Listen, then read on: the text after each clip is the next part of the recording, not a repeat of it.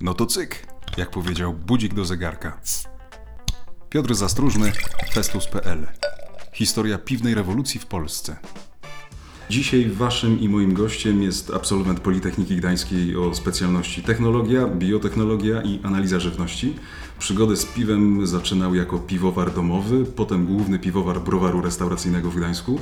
Obecnie jest jednym z najbardziej rozpoznawalnych i uznanych piwowarów na polskiej scenie piwa rzemieślniczego.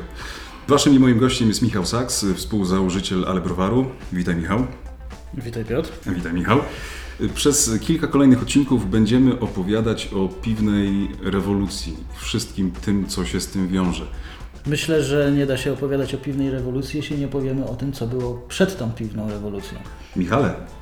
A więc y, przed piwną rewolucją, po transformacji gospodarczej w Polsce, mieliśmy sytuację taką, w której firmy z zachodnim e, kapitałem wykupywały browary regionalne, często tylko po to, by je zamknąć, by skonsolidować produkcję w kilku e, miejscach e, w Polsce.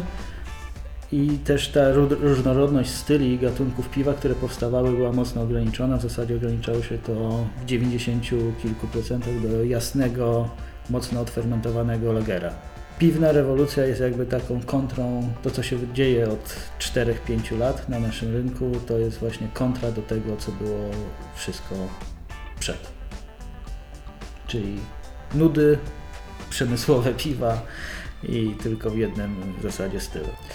Kto się zaczął nudzić?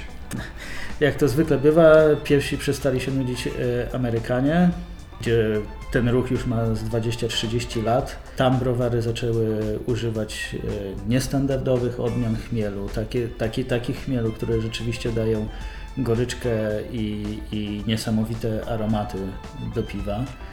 Y, we wcześniejszej takiej przemysłowej produkcji często odrzucane dlatego, że są zbyt charakterystyczne, a w piwowarstwie rzemieślniczym to, że piwo jest charakterystyczne jest raczej plusem niż minusem. A w masowej produkcji y, ma być nudno. Wszystkim ma smakować, nikogo, nikomu ma nic nie przeszkadzać, ale też mhm. jak się robi takie piwo, to ciężko kogokolwiek też tym piwem zachwycić. Ale też zaczęto sięgać po różne style i receptury piw, które z biegiem czasu były mniej popularne, w małej produkcji niszowej. Ich wyjątkowość sprawiała, że opłaca je się produkować, więc, więc Amerykanie to wszystko zaczęli. A powiedziałeś, że 20-30 lat temu było to w Ameryce, a w Europie, kiedy to się zaczęło? W Polsce wiem, 4-5 lat temu. Europa Zachodnia, tak zwana? W krajach skandynawskich y, zaczęły powstawać browary, to też jest no, historia kilkunastu, kilkunastu lat. Czyli najpierw Stany, potem Skandynawia. Tak jak według moich obserwacji, to obecnie w Europie najbardziej prężnie działają właśnie browary skandynawskie. To też e, wydaje mi się dlatego, że tam obciążenia podatkowe na, na piwa są dość wysokie. W związku z czym bardzo prężny jest ruch piwowarów domowych, którym, którzy tworzą piwa według własnego uznania, produkują to, co im smakuje i też mają ochotę się po prostu tym procesem pobawić i stworzyć coś wyjątkowego. Ale nie jest to do końca legalne, y, ta produkcja y, W Skandynawii jest. Może, okay. możesz, mogą, są nawet takie browary społeczne, że dane na przykład siedlisko w lesie, gdzie jest na przykład 5-7 domów, Y, razem się zrzucają i w jednym browarze, który no, czasami jest wielkości jak y, browaru restauracyjnego, produkują piwo i w danej społeczności się nim produktami rozdzielają. A Twoja przygoda z y, kraftem? Kiedy no, ducha poczułeś? Kiedy poczułem ducha kraftu? E, ja studiowałem biotechnologię żywności, gdzie poznałem wszystkie procesy które są niezbędne, żeby piwo powstało, ale jeszcze nie do końca wtedy miałem wyobrażenie, czym jest kraft, ale bardzo chciałem naturę piwa poznawać głębiej i, i w zasadzie każdy urlop, każda, każdy, każdy wyjazd oprócz jakichś e, walorów turystycznych i wypoczynkowych był związany z tym, żeby zobaczyć co w danym miejscu się waży, co się pije. I tak jednego roku trafiłem e, do Multitapu, znaczy się takiego lokalu, w którym jest e, Dużo kranów. Kilkanaście kranów z różnymi piwami, które, które się zmieniają na tych kranach, rotują.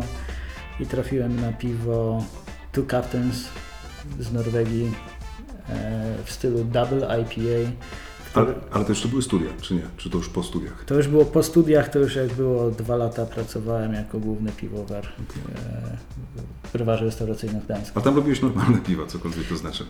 Tam robiłem takie piwa bardzo klasyczne, w tradycyjnych niemieckich stylach, które są bardzo zbliżone do, do tego wszystkiego, co było przed piwną rewolucją, że tak powiem. Patrząc na piwną rewolucję w Polsce, najważniejszym rokiem jest rok 2011. Co się wtedy wydarzyło? W roku 2011 powstał e, pierwszy taki stuprocentowo kraftowy projekt, który się nazywa Pinta, browar Pinta, który zaczął ważyć w formule kontraktowej. Znaczy się nie posiadają własnego sprzętu, browaru, ale sami układają receptury, sami ściągają surowce ze świata i dzierżawią wolne moce produkcyjne w browarach, które takie moce posiadają. I w ten sposób e, browar Pinta zaczął wprowadzać style piwa, których wcześniej nie było na, w Polsce. I jakie było przyjęcie?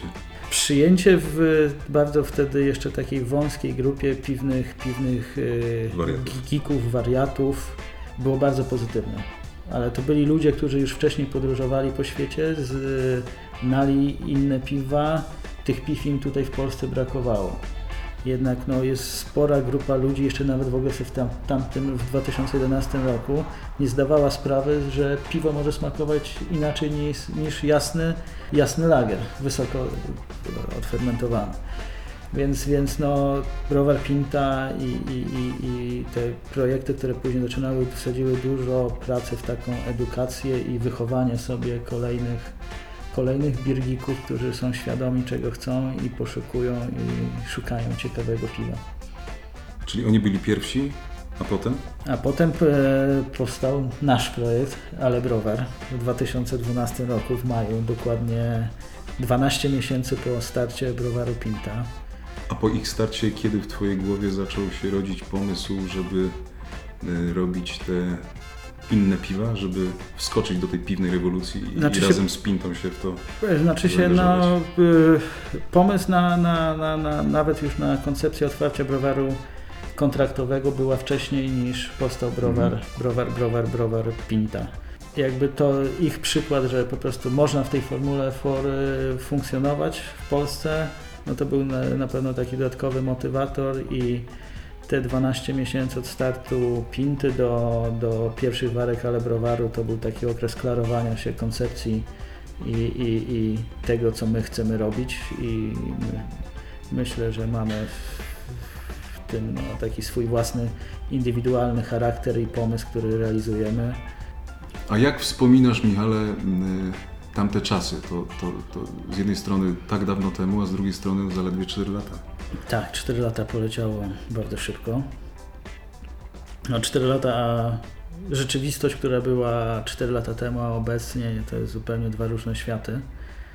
4 lata temu, jak ważyliśmy jakieś piwo, na ogół było to y, piwo, które po raz pierwszy było ważone w danym stylu w Polsce. I, I o ten entuzjazm i zainteresowanie było dużo łatwiej niż obecnie.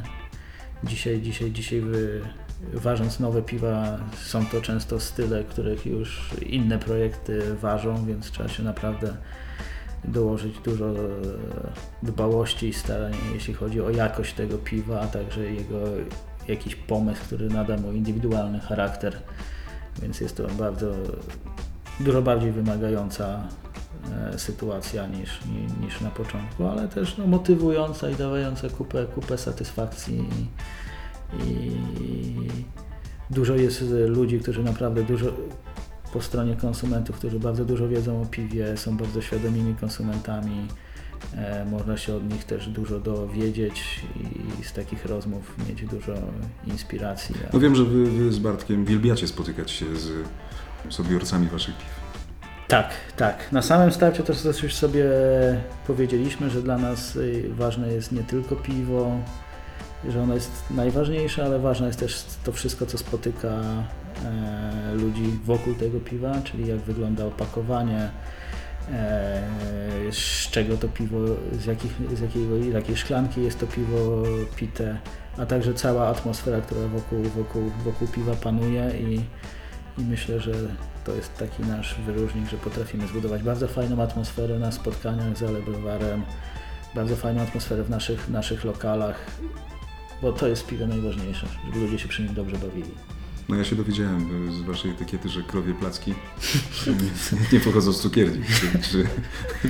Tak, tak, odrobina poczucia humoru jest też wskazana.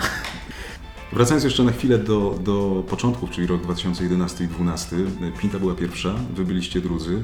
Czy podglądaliście siebie? Patrzyliście, co, co oni robią, oni patrzyli, co wy robią? Oczywiście, oczywiście, oczywiście, żeśmy no, e, siłą rzeczy robimy, robimy, robimy podobne rzeczy. E, Jeszcze dodatkowo się znamy, I to chyba całkiem dobrze. bardzo dobrze się znamy. Jeszcze z kupę, kupę lat przed, przed tym, jak te projekty wystartowały, to w tej społeczności piwowarów domowych i w tym świadku, no, żeśmy się spotykali, rozmawiali i wymieniali doświadczeniami i to się nie zmieniło. Piwowarstwo rzemieślnicze jest e, e, takim zjawiskiem, że, po, że tak powiem, e, które karmi się różnorodnością. I tutaj to jest taki rynek, którego nie da się zdominować jednym produktem. Trochę to jest tak jak bardziej w sztuce, że tak powiem. I podobnie jest w piwie rzemieślniczym. Są sezony, w których e, dane styli, style piw zdobywają popularność, ale są też przeboje evergreeny, które można słuchać albo pić latami. Rolling Jack. Ro- na Od przykład- początku chyba życie, tak? tak, jest to pierwsze piwo, które uważyliśmy. Ważymy je e, kilka warek co miesiąc. Ono jest e, na stale w naszej ofercie i, i sprzedaje się coraz lepiej, więc, więc to jest taka rzecz. Jak się skomponuje takiego hita, to jest kupę, kupę ku- bardziej, bardziej satysfakcji.